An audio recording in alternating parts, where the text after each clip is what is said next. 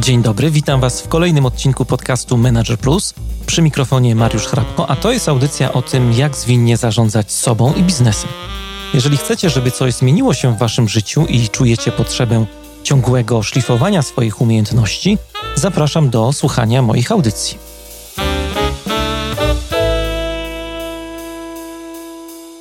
To jest podcast Manager Plus. Dzisiaj y, w audycji będziemy rozmawiali o servant leadershipie, a w moim wirtualnym studiu e, moim i waszym gościem jest dzisiaj Magda Kamińska, założycielka Center of Servant Leadership Poland.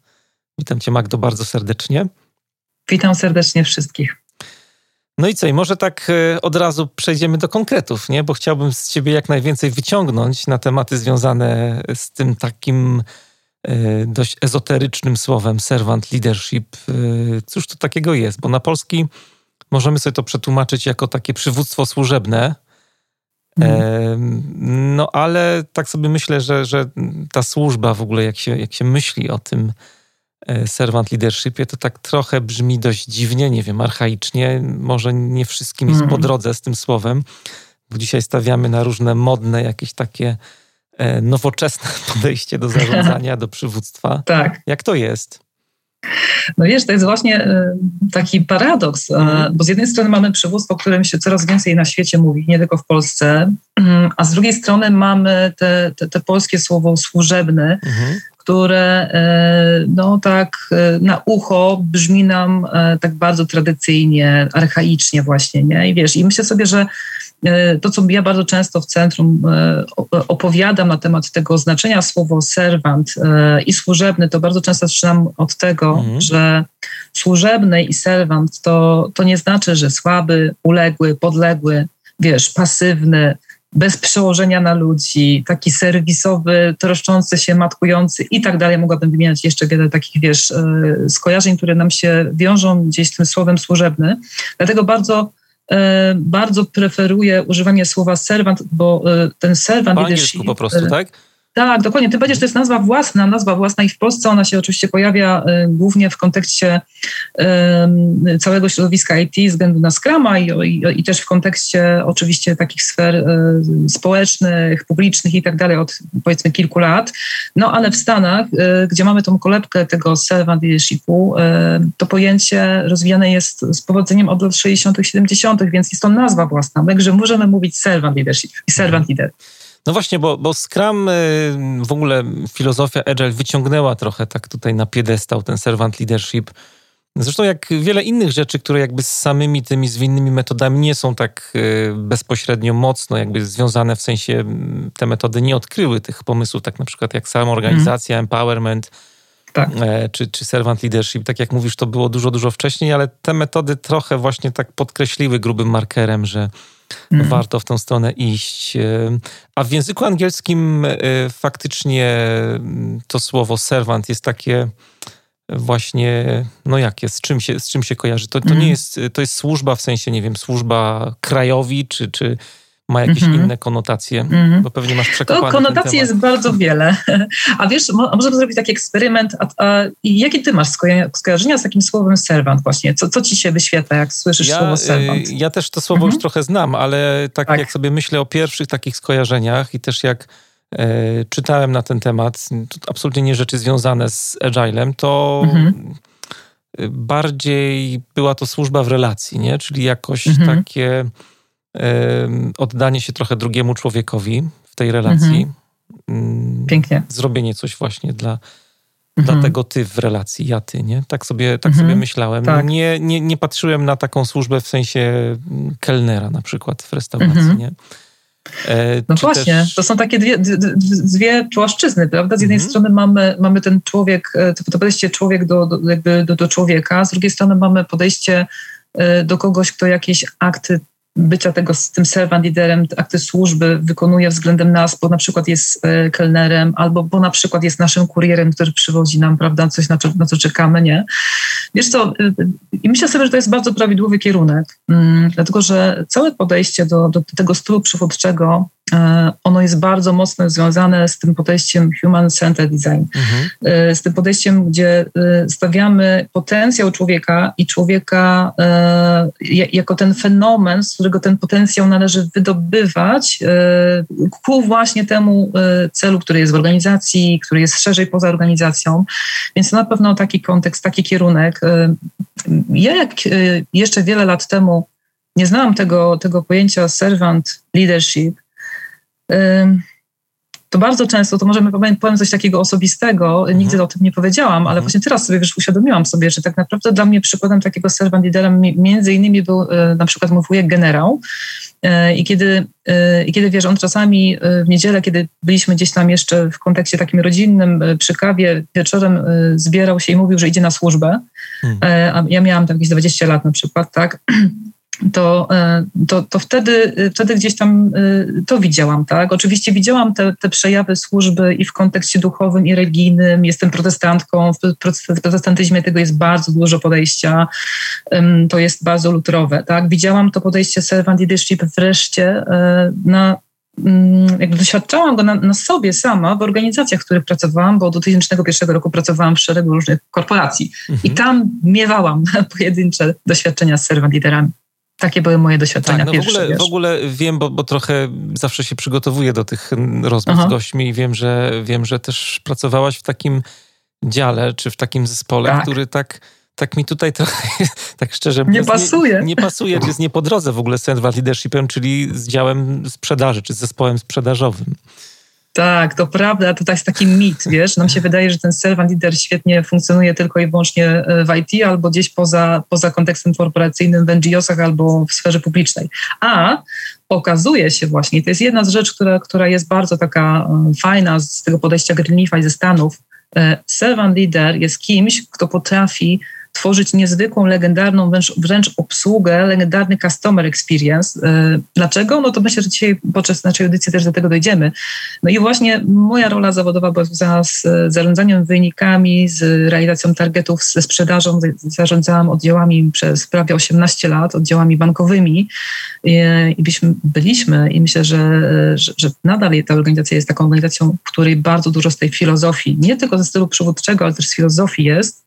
I ja właśnie tam e, między innymi też miałam tą przestrzeń, żeby, ten styl rozwijać i to, to było coś e, fantastycznego, ale niejednoznacznego, nie? No bo mhm. nam się wydaje, że, że ta sprzedaż to zawsze jest ten taki, wiesz, kierat e, raportowania 12-17 wyników indywidualnych, a dla przykładu powiem, że, że przez ostatnie lata ja w ogóle odeszłam w sprzedaży od targetów indywidualnych. Mm, później też organizacja moja w tym kierunku szła, więc można realizować wyniki, mieć wyniki również świetne w customer experience, ilościowe, i jednocześnie nie nakładać na ludzi celów indywidualnych, tylko i wyłącznie zespołowe. No to, jest, to jest duża rewolucja, I oni to taka, robią. taka myślę też e, na poziomie głowy, nie mentalna, bo, bo tak jak nawet e, rozmawiałem dzisiaj akurat przed naszym spotkaniem z jedną szefową właśnie takiego mhm. zespołu sprzedażowego i, i e, rozmawialiśmy właśnie o celach, o tym jak trudno tak. jest im odejść. Akurat oni chcą realizować właśnie pracę w filozofii takiej zwinnej bardziej i mhm. rozmawialiśmy o tym, że przy takim trybie pracy i przy celach indywidualnych, no to to nie zadziała, nie? Tylko trzeba przejść trochę nie. na taki system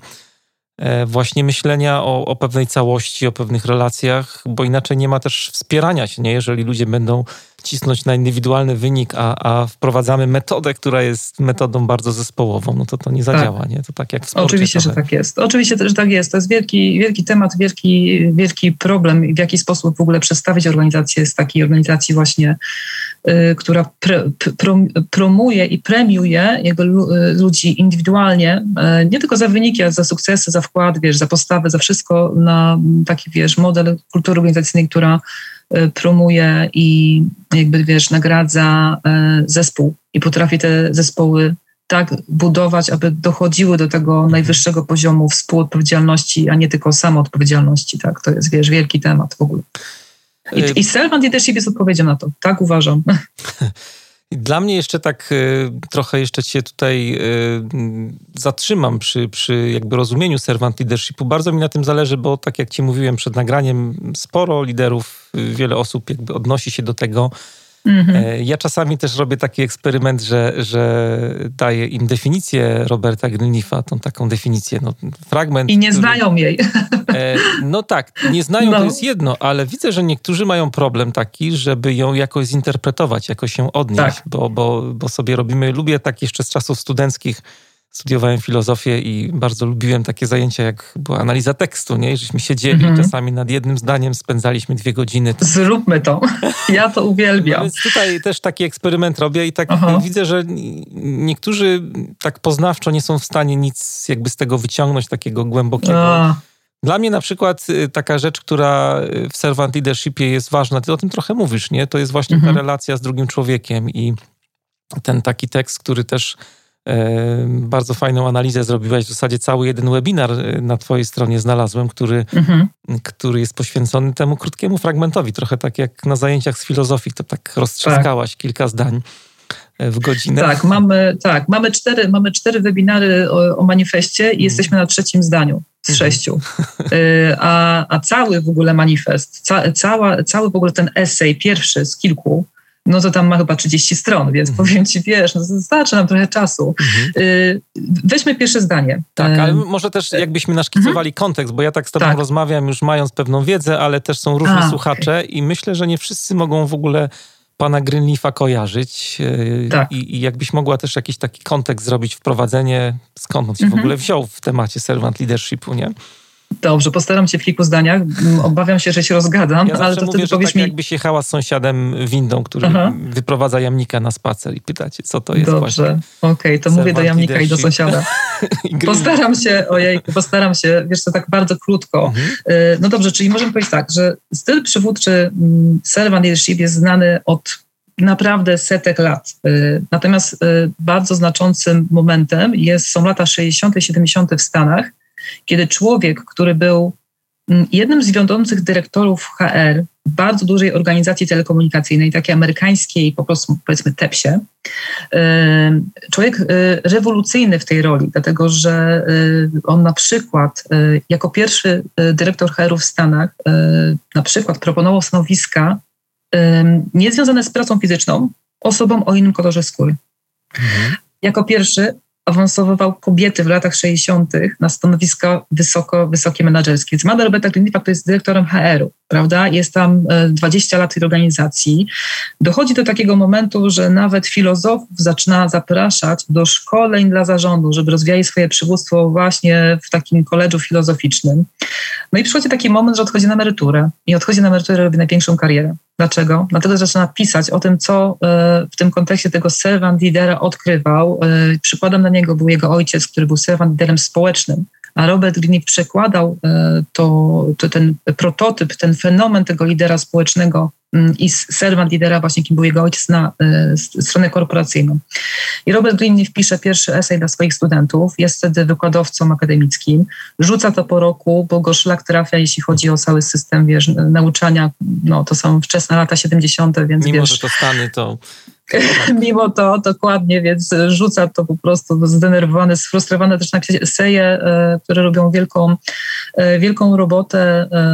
E, przeżywa też taką dużą też swoją promocję, bo, bo też w pewnym momencie nawet doradza doradza prezydentowi razem z żoną i tak dalej, i tak dalej. I w latach 70., dokładnie w 77 roku zostaje wydany ten pierwszy esej, którego tytuł brzmi Servant as Leader. Mhm. I od razu widać, że tam nie ma tego ułożenia tego tytułu, że lider jest sługą, lider jest servant, tylko servant as leader. No i właśnie to jest pierwsza rzecz, nad którą warto się pochylić. Dlatego, dlaczego e, najpierw jest servant, a potem jest lider.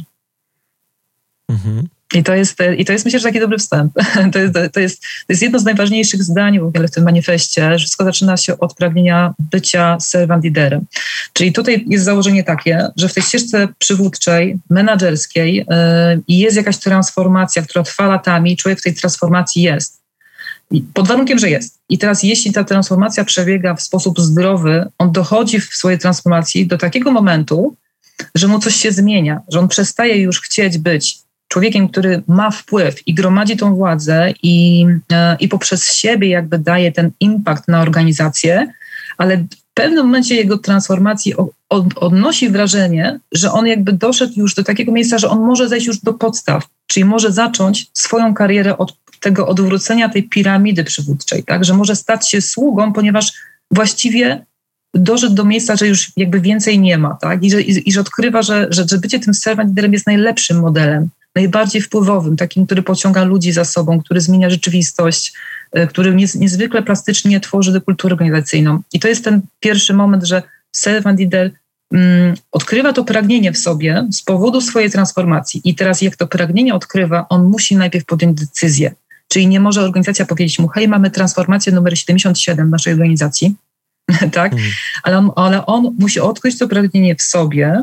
Stąd bardzo często mówimy, że w tym stylu przywódczym najlepiej radzą sobie ludzie, którzy mają coś takiego jak powołanie.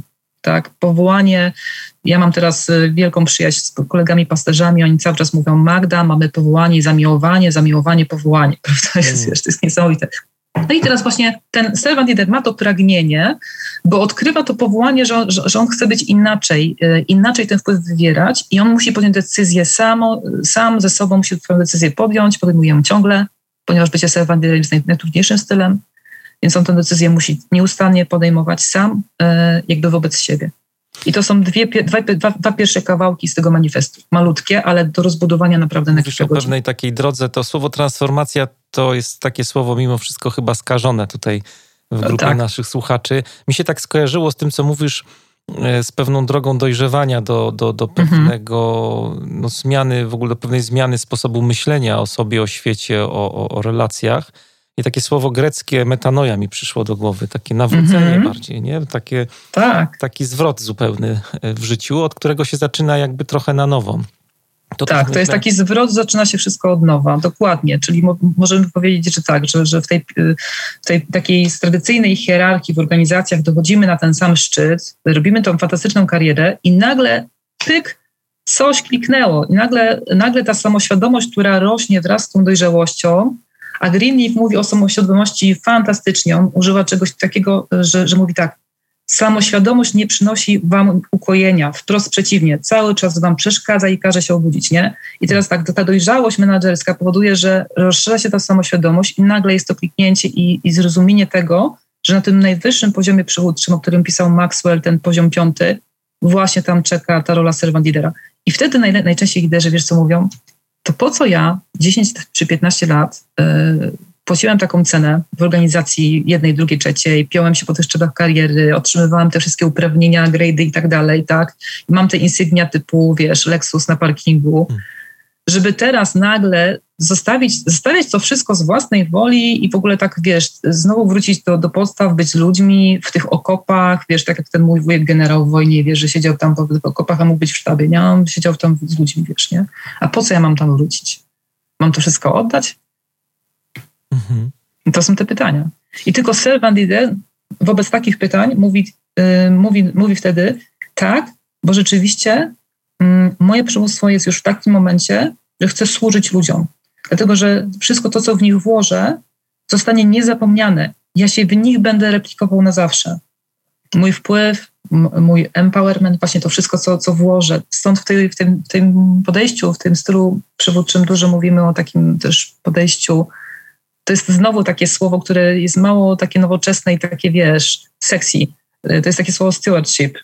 To jest, e, to jest słowo, które mówi o tym, że masz powierzone potencjały i masz, masz, je, masz nimi obracać, masz je, wiesz, pomnażać, nie? Więc jakby zaczynasz widzieć ludzi e, jako największy potencjał w swoim życiu. No to jest rzecz I, zupełnie y, magiczna tutaj w myśleniu wywrotowa. O, o bo ja też... Bo to jest wywrotowe. Ja też tak, y, no każdy z nas y, jak świadomie myśli, ktoś kto się zajmuje w ogóle liderami, to każdy sobie myśli mm. o jakimś swoim pomyśle na przywództwo i definicję lidera. Ja, ja tak. bardzo dużo się inspiruję też takimi pomysłami, które mm, przychodzą z psychoterapii, w ogóle z relacji terapeutycznych i mm. nie, nie, wiem, czy się spotkałaś w ogóle z, z Carlem Rogersem w sensie tekstu. Tak.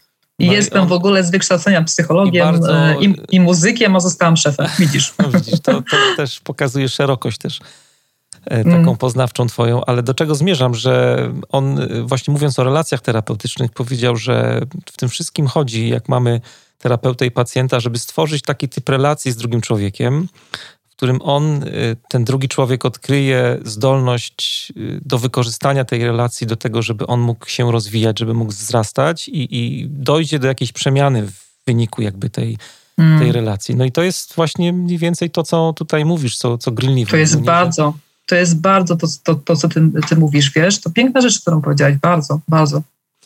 Bo to, co mi się podoba też y, akurat, jak cię słucham, y, to to ja zawsze mocno na to też stawiam y, w ogóle w społecznościach różnych, bo społeczność agile'owa, mhm. o której żeśmy trochę rozmawiali przed naszą rozmową, jak wiele innych społeczności, trochę się zamyka właśnie poznawczo na inne dyscypliny na przykład. Nie to, co mówisz, ty jesteś psychologiem, jesteś muzykiem, te wszystkie różne źródła, które mamy, czerpania inspiracji, no to co zrobił Greenleaf, to co powiedziałaś, nie? że zrobił rzecz tak. rewolucyjną, zaprosił na spotkanie zarządu filozofów. No wtedy to w ogóle tak. była rzecz totalnie z czapy, nie? Dzisiaj e, w biznesie dużo jest psychologii, e, dużo jest też filozofii, są niektórzy, no stoicyzm jest bardzo modny, ale kiedyś to mhm. była rzecz zupełnie wywrotowa, ale o to Oczywiście, chodzi, wywrotowa totalnie. Czerpać pełnymi łapkami z każdego, z każdej odsłony, żeby nie było tak, że idziesz do jakiejś społeczności, pytasz się, co czytają, to wymieniają pięć flagowych książek, nie, z tej dziedziny. Mhm i nie hmm. zaglądają szerzej, dalej, nie? I, i... No właśnie w tym przywództwie, wiesz, ta samoświadomość, która jest e, bardzo, bardzo ważny, ważnym elementem, ona musi cały czas towarzyszyć e, tym transformacjom, dlatego, że wiesz, servant liderem cały czas się stajesz, to, to nigdy nie jest tak, że jesteś nim. E, więc wejście, wejście w tą rolę powoduje nieustanny taki właśnie ten twórczy niepokój. To, to od, od właśnie o tym pisał, tak? Że, że, to jest coś, co ciągle cię budzi, nie pozwala ci po prostu, wiesz, pozostać w takim miejscu, że, że okej, okay, super, wszystko jest świetnie w moim zespole, nie mam co robić, tak? No właśnie nie. Cztery, z pięć rzeczy, po których poznamy serwant lidera i y, wspomniałeś, wiesz, o zdrowiu, o, o zdrowym człowieku, który mhm. ten swój potencjał może zrealizować w organizacji. Co więcej, jest ten potencjał użyty i pomnożony y, w, tym człowieku, prawda? No to to jest druga rzecz. Pierwszą rzeczą, którą Greenleaf mówił, to mówił, że pracę serwant lidera poznamy po rozwijających się zespołach i po, po rozwoju ludzi. Po drugie, y, pracę servant lidera zawsze rozpoznamy y, po zdrowych zespołach i zdrowych, y, zdrowych jednostkach, zdrowych ludziach w zespole. Czyli, czyli zobaczysz, że to jest na drugim miejscu. Na drugim miejscu w tym podejściu budowania zespołu przez servant lidera jest to, aby zespół był zdrowy i zdrowi ludzie w tym zespole, coraz bardziej zdrowsi. Greenleaf nawet użył tam słowa, że stają się coraz bardziej zdrowsi. No wow, jaki to jest w ogóle challenge. Ja odpowiadam za to, czy ludzie w moim zespole są coraz bardziej zdrowsi, kompetencyjnie, mentalnie, jako ludzie, jako team. To jest odpowiedzialność, której wielu liderów nie chce brać. Ja, ja, ja, wiem dlaczego, tak? bo sama byłam w tym miejscu. Trzecim e, aspektem, po którym poznamy e, servant lidera, to to, że jego zespół staje się coraz bardziej mądry. Jak się staje coraz bardziej mądry, to jest czwarty aspekt mm, tej, tej, tej, tego manifestu, że jeśli jest coraz bardziej mądry, może stawać się coraz bardziej autonomiczny. No i tutaj jest, wiesz, ten fetysz, nie? Samozarządzanie, la, la, la, nie? Chcemy mieć zarządzanie, samozarządzanie, ale nasze, nasze zespoły nawet nie potrafią się samorganizować jeszcze, więc to wiesz, długa droga. Kolejna rzecz, najfajniejsza i najpiękniejsza i to jest, e, to jest taki, e, taki, taka kropka nad i e, tego efektu tego servant jest z powodu którego on to wszystko robi, bo ludzie również stają się wtedy servant liderami dla swoich klientów, Czyli jest ten legendarny customer experience wtedy, bo ludzie zaczynają kopiować bycie servant liderem dla swoich klientów, dla swoich kolegów, koleżanek w zespole i w organizacji. I ostatnim, szóstym efektem bycia servant liderem w organizacji jest to, że ten zespół prowadzony przez servant lidera zaczyna wywierać pozytywny wpływ poza organizacją. Jest gotowy na to, żeby wnieść coś w kontekście zrównoważonego rozwoju, w kontekście, wiesz, e, dawania dobra dla świata, nie? No, także, wiesz, to, to, są, to są rzeczy, po których poznajemy serwant lidera. Jak cię słucham... Niezależnie, tutaj... czy, niezależnie, czy on jest w IT, czy on jest, tak, wiesz, w farmacji, ale... czy on jest w produkcyjnej firmie. Ale jak cię słucham, to tutaj nie ma w ogóle tego lidera, nie? Tylko cały czas są inni. Ludzie. Potencjał tak. innych ludzi, nie? Zdrowie innych ludzi, rozwój innych ludzi. A finalnie Co on ma z tego, nie? odpięcie się w ogóle i, i, i wejście w taki, w taki model lider-lider, nie? Bo ja wykształcam mhm. innych liderów, którzy przejmą te wartości i tą filozofię, którą żyję i pójdą z tym dalej. No, tak, no właśnie, to, to, to, jest pytanie, to, to, jest pytanie, co on ma ten, ten servant lider dla siebie z tego wszystkiego? No to, Zastanawiałeś się, to, co on, co on z tego ma? To finalnie musi prowadzić, tak jak to słowo metanoja mhm. mi bardzo pasuje, do takiego przewartościowania wartości trochę, nie? Bo, mhm. no bo bez tego się nie da. Nagle następuje jakieś tąpnięcie w jakichś modelach mentalnych tej osoby, tak. w myśleniu o świecie, o innych, no, bez przewartościowania w tego, co wierzyłem, to pewnie to się nie uda jakoś, nie? Nie udaje się na dłuższą metę. Trzeba przewartościować y, albo odkryć te wartości. A ten servant leader, wiesz, jak tak poświęca te wszystkie rzeczy, y, to w pewnym momencie, wiesz, odkrywa, że, y, że, że, że zespoły i, i, ludzi, których wyposaża i prowadzi i, i wzmacnia i, i, wiesz, pomnaża ten mm. potencjał w tych ludziach, że one mu zapewniają, wiesz, taką trochę nieśmiertelność, nie? Że, że, że, wszystko, co w nie włożył, zostanie na zawsze, niezależnie od decyzji w organizacji, e, trendach w korporacji i tak dalej, to, to wszystko, co włożył w tych ludziach zostaje, nie? Więc, e, więc e, tak naprawdę jego przywództwo nigdy się nie kończy. On, on zawsze będzie dla nich liderem, niezależnie od tego, gdzie będzie. No. Mówisz o tylu różnych rzeczach, ja się cały czas zaczepiam na każdym punkcie i taki jeden mhm. punkt, do którego wracam gdzieś tam jednym torem, to jest to, co powiedziałaś. Myślę, że bardzo też istotna rzecz dla wszystkich świadomych, dojrzałych liderów, żeby mieć to na uwadze, że, że no to jest ciągła droga, nie? Trochę tak jak tak. szukanie prawdy w nauce, której nigdy tam gdzieś nie złapiesz tak na 100%, ale no ale gdzieś koniec końców taki lider jest ciągłym takim procesem, nie stawania się zmiany, a nie, nie gotowym produktem. I, I nie da się chyba tak zrobić, że się nauczymy wszystkich fajnych narzędzi, poznamy parę technik i obrośniemy w piórka i, i, i stajemy nie? na naszej drodze. Tylko to jest ciągła to taka prawda. E, ewolucja, ale też sobie myślę, jak miałbym ci zadać takie pytanie, mhm. że to chyba nie jest y, model dla wszystkich, a może też nie dla wszystkich dan na danym jakby etapie ich życia, nie? że do tego trzeba jednak w jakiś sposób dojrzeć e, do takiego myślenia czy do takich wartości, e, że oczywiście no, jako kierunek jak najbardziej tak, nie? myślę o jakimś takim e, liderze świeżaku. Kiedyś mieliśmy tutaj takie audycje, które dotykały tego, no jakie mają być te pierwsze kroki lidera, który zaczyna dopiero, został mhm. Objął, objął ten magiczny, tą magiczną rolę w organizacji mm. i co dalej, ale myślę, że jako program jak najbardziej tak, ale żeby faktycznie w ten sposób żyć i, i, i, i wchodzić w relacje, no to wymaga pewnej dojrzałości, pewnego punktu takiego, jak to Gladwell pisał, tipping point. Musi być jakiś taki punkt przełomowy u ciebie, nie? Żeby mm. Tak. wejść na te tory. Tak jest. Tak jest u większości e, osób, że, że ten punkt przełomowy gdzieś następuje w, w drodze ich transformacji. E, choć powiem ci, że, że zaskoczyło mnie to bardzo, bo odkąd centrum istnieje, a od wszystkie, działacie w ogóle? Tak jakbyś y, y, ja, ja, działam w obszarze y, tego przywództwa servant leadership od, od 6 lat, ale tak bardzo jakby osobiście i w kontekście społecznym i publicznym i łączyłam to z korporacją, natomiast centrum, centrum otworzyło się w szczycie pandemii, czyli we wrześniu 2020, także to była taka... Ale heca, ja takie... myślałem, że dłużej działacie. Nie, od września tamtego roku działamy, dokładnie tak. Od, działamy od września. E, mamy, mamy świetny zespół, mamy też wolontariuszy, ludzi, którzy sami się zgłaszają, wiesz, z całej Polski ludzie piszą, że, że chcą pomóc i to jest po prostu niezwykłe. Ale chcę wrócić do tego, co wiesz, co mnie e, bardzo szokowało. E, jak otworzyłam centrum i zaczęłam tak intensywnie działać też przez LinkedIn, mhm.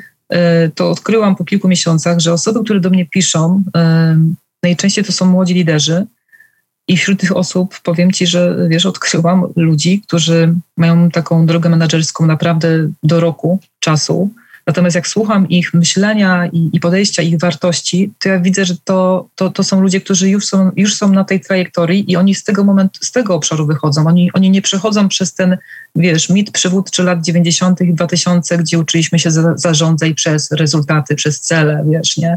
Postaw targety, monitoruj cztery razy i tak dalej, wiesz, nie? Więc oni w ogóle nie zaczynają z tym obciążeniem.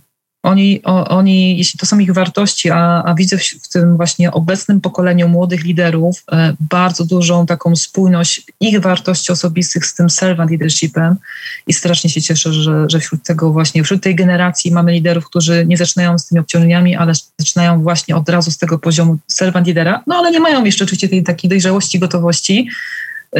wszystkiego się nauczą, ale, ale piękne jest, że nie mają tych obciążeń. No to miło tego słuchać jest że tak jest faktycznie. Tak. Pozdrawiam Marcina Grebaczyka o tutaj przy okazji. Chcę, chciałabym go docenić, wyróżnić i, e, i to jest chłopak, który przyjechał z, innego, e, z innej części Polski na otwarcie centrum, bo powiedział, że to jest jakby dokładnie to, co, co, co, co zawsze sprawiało, że, że, że marzył, żeby być liderem. Mhm. I jak odkrył ten servant leadership, że to się nazywa w ogóle, bo teraz ludzie odkrywają, nie wiedzą. Wiesz, chcę ci powiedzieć jedną rzecz. Mamy wokół tego tematu servant y, lidera też wielu, wiesz co, weteranów y, i wielu poległych na tym polu. To są ludzie, którzy mieli te wartości i ten styl, ale on był, y, on był rozpoznawany jako niewłaściwy, a wręcz były organizacje, które mówiły, nie masz przełożenia na ludzi, bo taki jesteś trochę za miękki, będziesz żałował tego, za dobry jesteś. Nie? I to są weterani, to są ludzie, którzy zapłacili ogromną cenę bardzo często i oni też się pojawiają wokół centrum, wokół naszych webinarów, bo nagle ktoś im mówi, że ty nie byłeś nienormalny, to był dobry styl, hmm. ale twoja organizacja nie chciała po prostu tak, tak, e, taka być. Tak, bo tobie, tobie się, no nie chcę powiedzieć udało, ale no po prostu zaistniałaś trochę w pewnych warunkach, które jednak organizacja ci stworzyła, nie? Do, do tak, to prawda. pracy w takim systemie i to jest mega ważny kontekst w ogóle.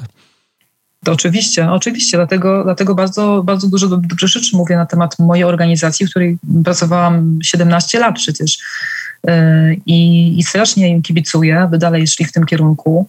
No jest coraz więcej takich dużych, dużych, dużych graczy, korporacji, też w Polsce, e, które stawiają na kulturę przywództwa, nie tylko na, na to zarządzanie i tak dalej, prawda, bo takich szkoleń zarządzania mieliśmy bardzo dużo, ale też zaczynają stawiać, zaczynają definiować kulturę przywództwa wokół tego servant leadershipu. Wczoraj napisała do mnie e, dyrektorka HR-u, e, Polka w ogóle, która pracuje w, w Szwecji w bardzo dużej firmie, mhm. żół, z żółtym kolorem w logo e, i, i napisała mi właśnie, że, e, że tak, że to od dwóch lat starają się taką kulturę przywództwa budować. No długa droga, ale zaczęli. Hmm. Brawo. Ten, e, ten styl przewodzenia innym to są pewne wartości, i jeżeli mówimy o servant leadershipie, to jedną z takich wartości, która tam się siłą rzeczy pojawia, wartości, która no, jest dość kontrowersyjna, to jest wartość pokory. Tak. Prawda? Tak. tak. Tak, tak, to jest pokora. E, potem drugą wartością jest zaufanie, trzecią jest e, odpowiedzialność, czwartą jest równowaga. E, no i wiesz, z tą pokorą mm, to jest tak, może będę mówić o sobie, bo to będzie najbardziej wiarygodne, wiesz, to nie zawsze było mi po drodze z tą pokorą. Miałam różne etapy. Najczęściej uczyłam się najwięcej o pokorze w momentach swoich porażek, upadków i, i takiego słowa użyję fakapów, bo też, też takie miałam. E, no ale też pokory się uczyłam najlepiej w takich momentach wielkich sukcesów, e, takiej celebry i tak dalej. I, i takich momentów, kiedy było dobrze, też było sporo i, i wtedy też to coś, coś mi tam dawało, prawda, jeśli chodzi o pokorę, więc to, to tak było u mnie. Mhm. Mm, ale wiesz, jak zaczęłam e, zgłębiać ten servant leadership, kończyłam kursy w Greenleafie, właśnie w Stanach, tam też dano mi mentoring bez finansów, bez angażowania prawda, finansów swoich, także pięknie się mną zaopiekowali. Y, właśnie niesamowicie pokorny człowiek, Jeff Miller, udostępnił mi cały swój dysk y, hmm. Google'a, y, gdzie gromadził przez 30 lat, gromadził przez 30 lat wszystkie rzeczy o tym servant leadershipie i powiedział, ty otwierasz centrum w Polsce, masz mój dysk, wszystko co potrzebujesz tam znajdziesz. I, i wiesz, i właśnie między innymi to jest tak, że wiesz, jak masz tą pokorę, to jesteś w stanie podzielić się wszystkim, bo się nie boisz. Y, pokora sprawia, że można budować zaufanie, mm, bo y, zaufanie naj, naj, najłatwiej, to też oczywiście w badaniach y, jest fajnie też opisywane w kontekście servant lidera, właśnie, że dlaczego najwyższy poziom zaufania, dlatego dlaczego te zespoły mają zdrowe, wysokie zaufanie w zespole, ponieważ ich lider prezentuje postawy pokorne. I możesz, y, może, o, może definicję podajmy pokory w tym kontekście mm, tego stylu przywódczego. Mhm. Bo, bo, może definicja też y, naszych słuchaczy zainteresuje. Więc definicja w tej, w tej szkole Servant Leadershipu brzmi tak, y, że pokora jest nieustannym kalibrowaniem siebie w przywództwie w kontekście swoich możliwości, jak i ograniczeń. Kalibrowanie oznacza, że nieustannie w tym swoim procesie rozwojowym w przywództwie musisz nieustannie się ustawiać i cały czas sprawdzać sam ze sobą na swojej osi, wewnętrznej osi też swojej tożsamości, kompetencji, e, przyjmowania informacji z zewnątrz na, na, swój temat, informacji zwrotnej. Kalibrujesz się wokół tej osi i cały czas na bieżąco e, masz dostępną informację o sobie, o tym, co możesz, czego nie możesz, co masz, czego nie masz, kim jesteś i kim nie jesteś, kim chciałbyś być i kim nigdy nie będziesz. Nie? Więc, więc to jest taki proces ciągłego kalibrowania się i, i to kalibrowanie powoduje, że jeśli się kalibrujesz e, wiernie, zgodnie i nieustannie, to masz tą pokorę. I teraz jak masz pokorę, to słuchasz, um, ufasz, um, nie boisz się, um, oddajesz e, i ufasz coraz bardziej. Jak zawiedziesz się, a ja miałam takie zawody potężne też, to jesteś w stanie się z tego podnieść, bo pokora mówi ci, wiesz, to, to jest jeden przypadek na kilkanaście lat. U, u, przyjmij tą pokorę i stwierdzi, musisz stwierdzić, że, że wiesz, że ufasz ponownie, nie?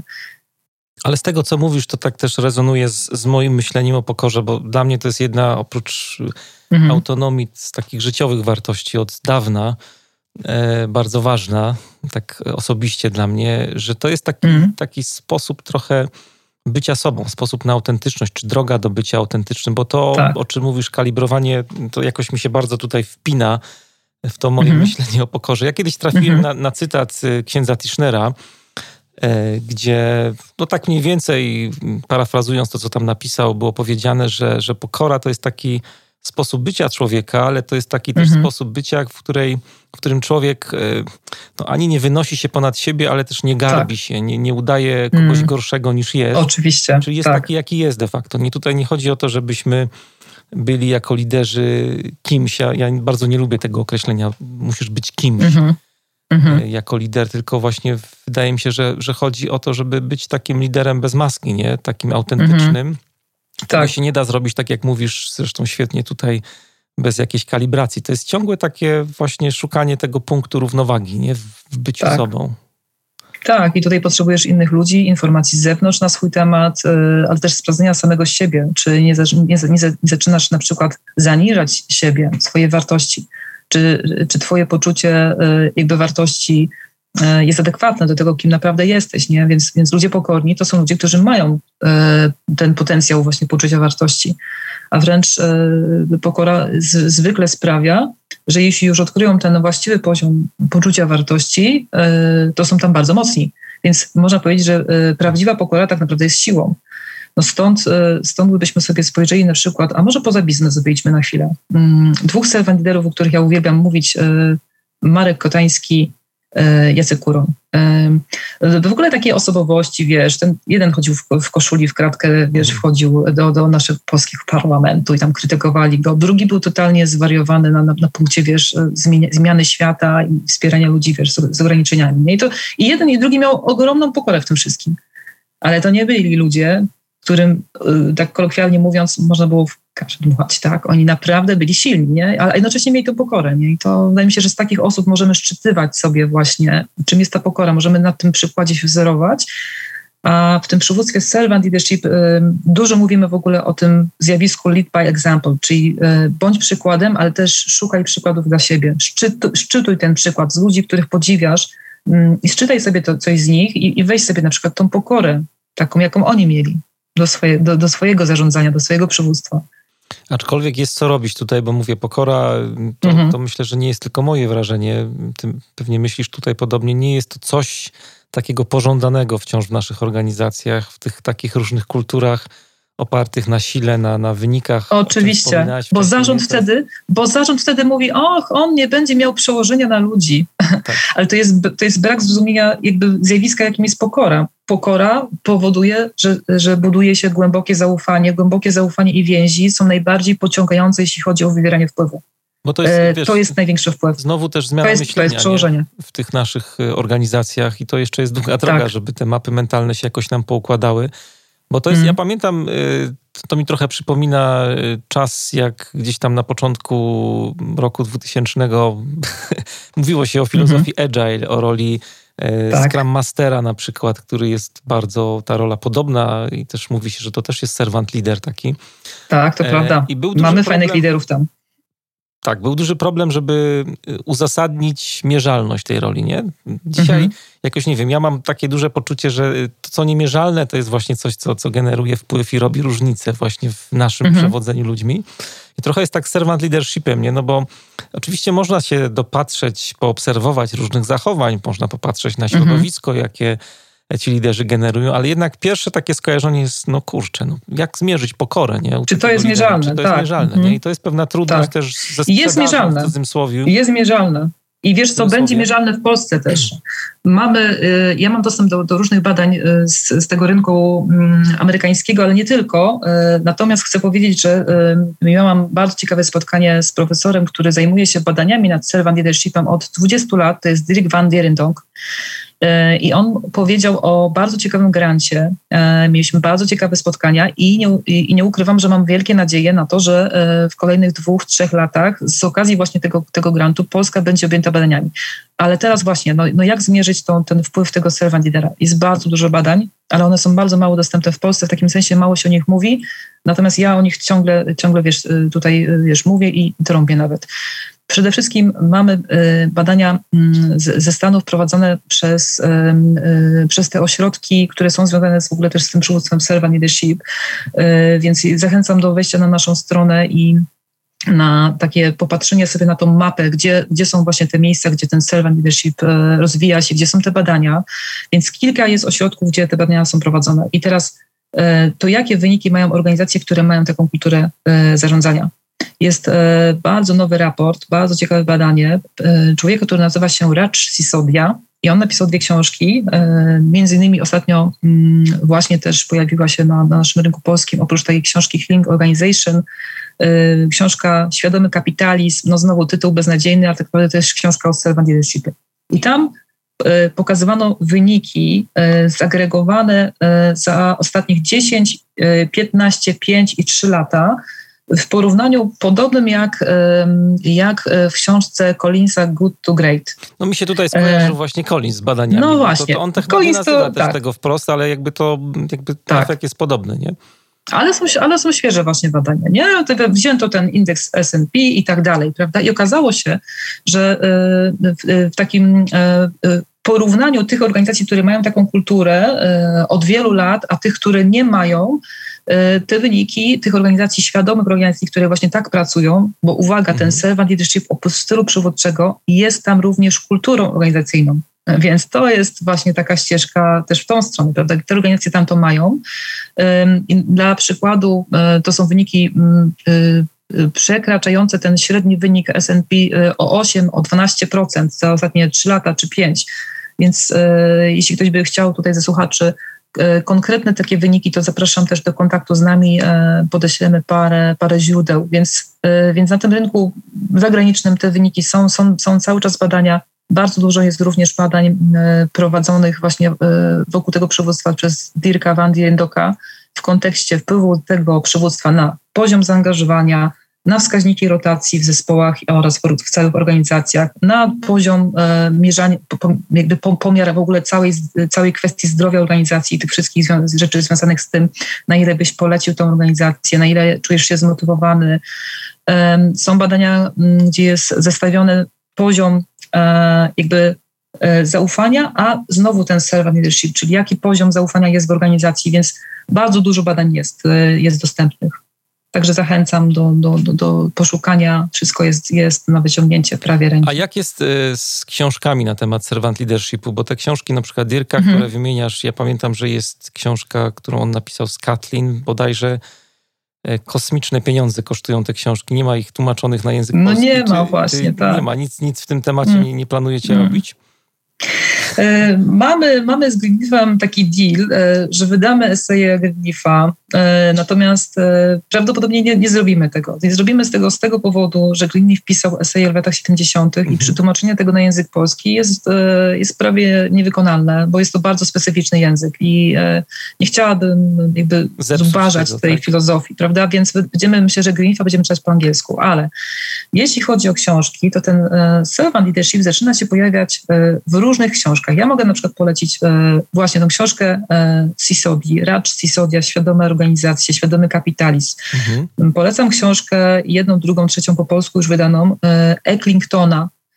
Książka po angielsku Ecklingtona Green Swans, Zielona łabędzie. Tam jest bardzo duży wsad również o tym przywództwie servant leadership. I to nie są książki o tym stylu przywódczym, tak, tylko to są fragment, nie? Jakiś taki. Są spore fragmenty, dokładnie. Mhm.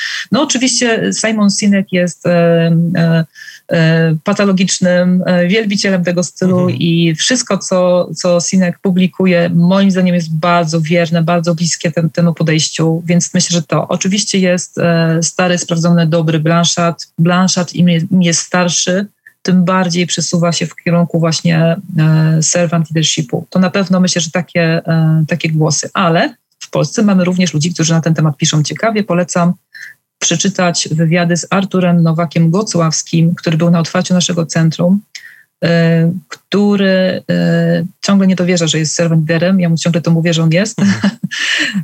ale całe IN, ANG, całe, cała grupa ANG dzisiaj i, I to, co mówi o w ogóle filozofii bycia y, tej organizacji na rynku Artur Nowogosławski jest absolutnie bardzo serwant.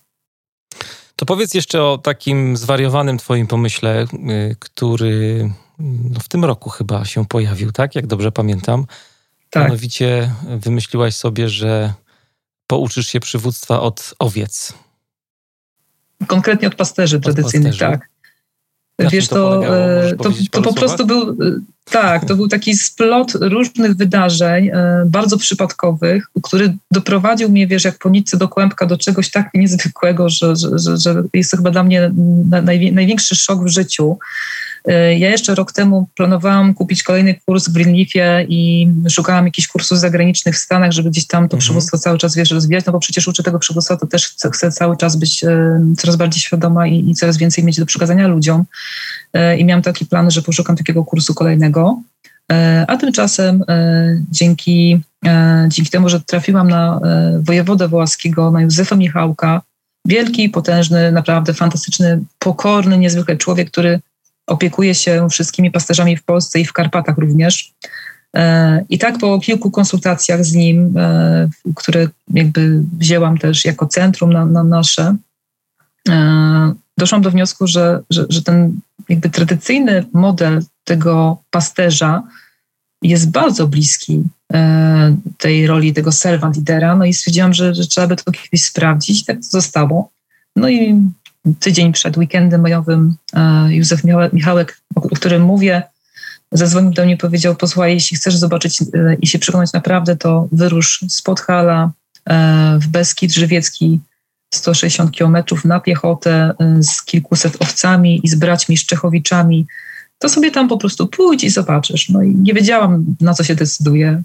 Było bardzo ciężko fizycznie, pod każdym względem, ale ale odkryłam, odkryłam tak naprawdę, wydaje mi się, coś bardzo pierwotnego, z czego mogą się liderzy uczyć. No i właśnie mamy już pierwsze dwie grupy na wczesną jesień, już prawie za, zawiązane i no i będziemy jeździć i od pasterzy, od braci Szczechowiczów uczyć się przywództwa, dawania autonomii. Owce nie idą, a no właśnie, zagani- zaganiane.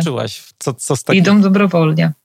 No, wiesz, pierwsza moja myśl była taka, no to po prostu pogoni się te owce przez góry i sobie pójdą, prawda? Ty się no też dobrze. męczysz przy, przy, okazji.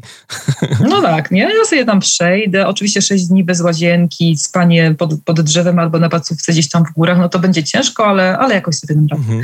No i się okazało, że jest zupełnie inaczej. Pierwszą, jedną z pierwszych rzeczy, którą Staszek mnie nauczył, e, to to, że już pierwszego dnia w tym redyku, kiedy owce połączyły się w jedno stado, z kilku mniejszych stad, które się nie znało, oni tych specjalną techniką połączyli je w jedno stado.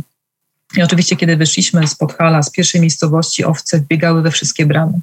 Taki, taki stan był tego zespołu na początku. E, no i zdziwiłam się, myślę sobie, kurczę, gdzie są psy? Nie ma psów, nie. Nie ma poganiania. E, to, co Staszek mi cały czas powtarzał od pierwszego dnia do, do, do trzeciego, dopiero trzeciego dnia to załapałam. On mi cały czas mówił, bo ja szłam jako ostatnia w tym redyku, na końcu. I on mi cały czas mówił, poganiasz owce, przestań je poganiać, bo to powoduje presję u nich wszystkich i te najsłabsze zaczynają podbiegać, a jak one podbiegają, to te najmocniejsze zaczynają mnie gorzej słuchać. Nie, ty masz tylko pilnować, żeby żona nie została. Ale no ale wiesz, hm. więc poganianie owiec, jakby w ogóle poganianie ich do czegoś, yy, daje efekt odwrotny że one zaczynają gorzej reagować na, na tą odpowiedzialność i na tą samą odpowiedzialność, którą ktoś im tworzy, że one mają podążać z własnej woli, nie? Tam w ogóle, wiesz, no, no to coś takiego, nie?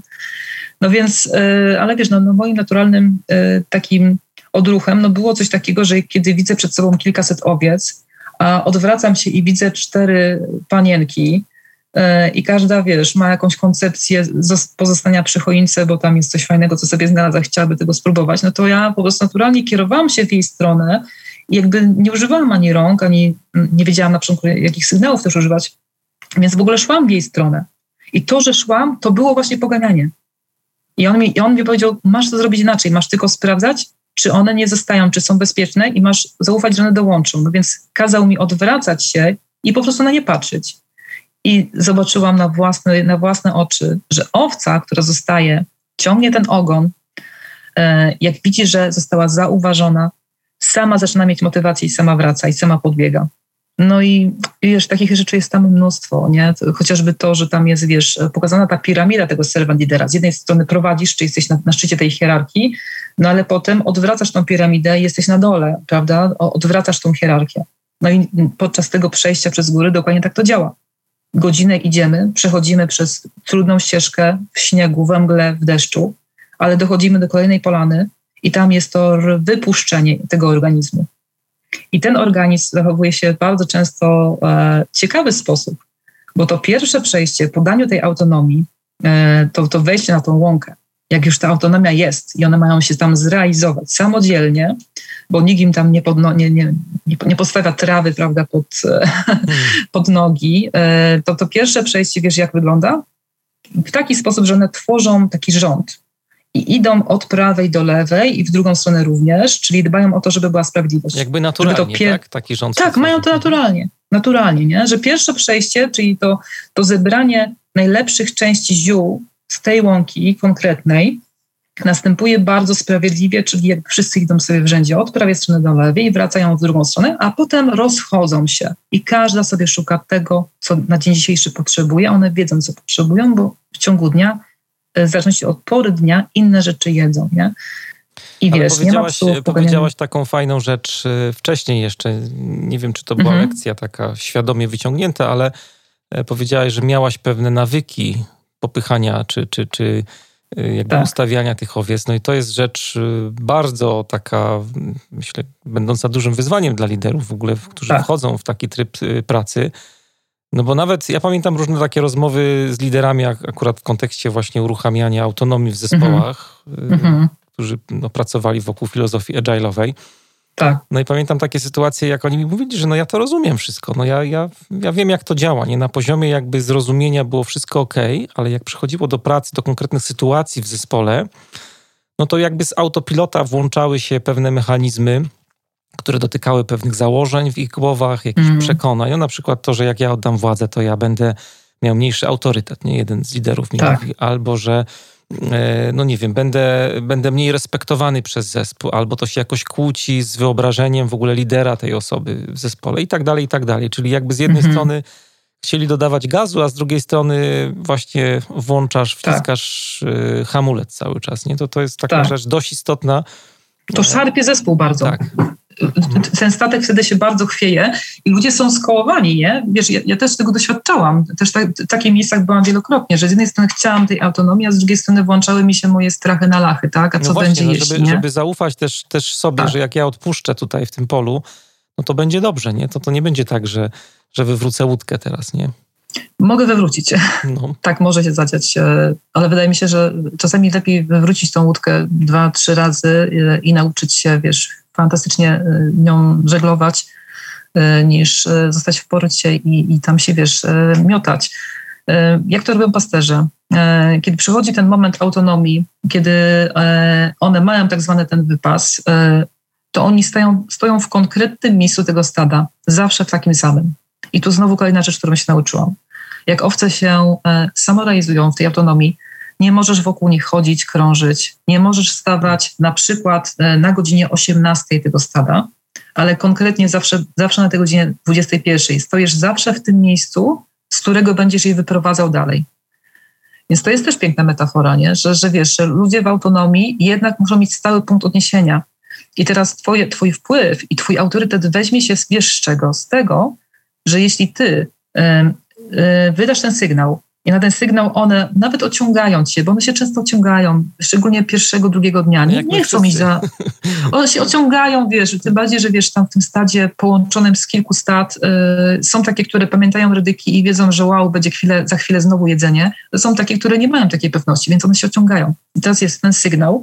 Y, ty je przeprowadzasz przez kolejną godzinę, znowu w ciężkich warunkach, ale po godzinie one widzą, wow, obiecał i jest. Znowu jest to, co, to, czego potrzebujemy, więc to zaufanie się buduje. To się buduje, nie? A co czułaś po tych sześciu dniach?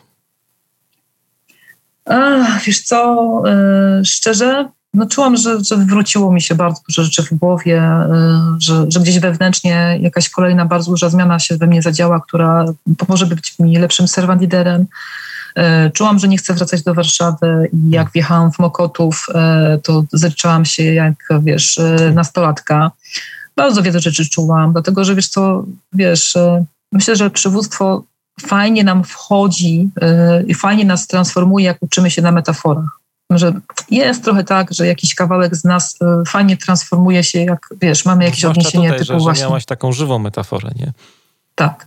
Więc, więc czułam ogromną zmianę i, i po prostu minęły trzy miesiące zaraz, dwa miesiące przy, z, z dużym kawałkiem i nie mogę przestać o tym mówić opowiadam o tym po prostu już chyba w sześciu audycjach i no, i, no idziemy dalej, no idziemy dalej, zabieram ludzi na redyk i, i wierzę, że, że, że, z tego jest coś więcej dla innych. No jak mogę zostawić to tylko dla siebie? To jest po prostu, wiesz, taka, taka, takie doświadczenie, też trudne, no bo fizycznie wiadomo, że, że, że wiesz, z owcami nie idzie się tak, wiesz, prosto ścieżką, tylko się idzie za nimi, więc więc to są um, ścieżki podmokłe, przez gałęzie. Tak, no widziałem filmy, które mi podesłałaś, więc wyglądało to naprawdę imponująco. No, ciężkie, Przez co ciężkie. przeszłaś tam, tam że nawet słońce chyba nie świeciło, jak, jak widziałem na tych No, no właśnie nie, nie mieliśmy tak tylko jeden dzień, jeden dzień z sześciu, jeden dzień z sześciu, gdzie było słońce, w pozostałych dniach yy, na przykład prowadziliśmy owce w ogromnej mgle, na Rysiankę, tam, to jest 1230 metrów e, i w śniegu takim 30-40 centymetrów.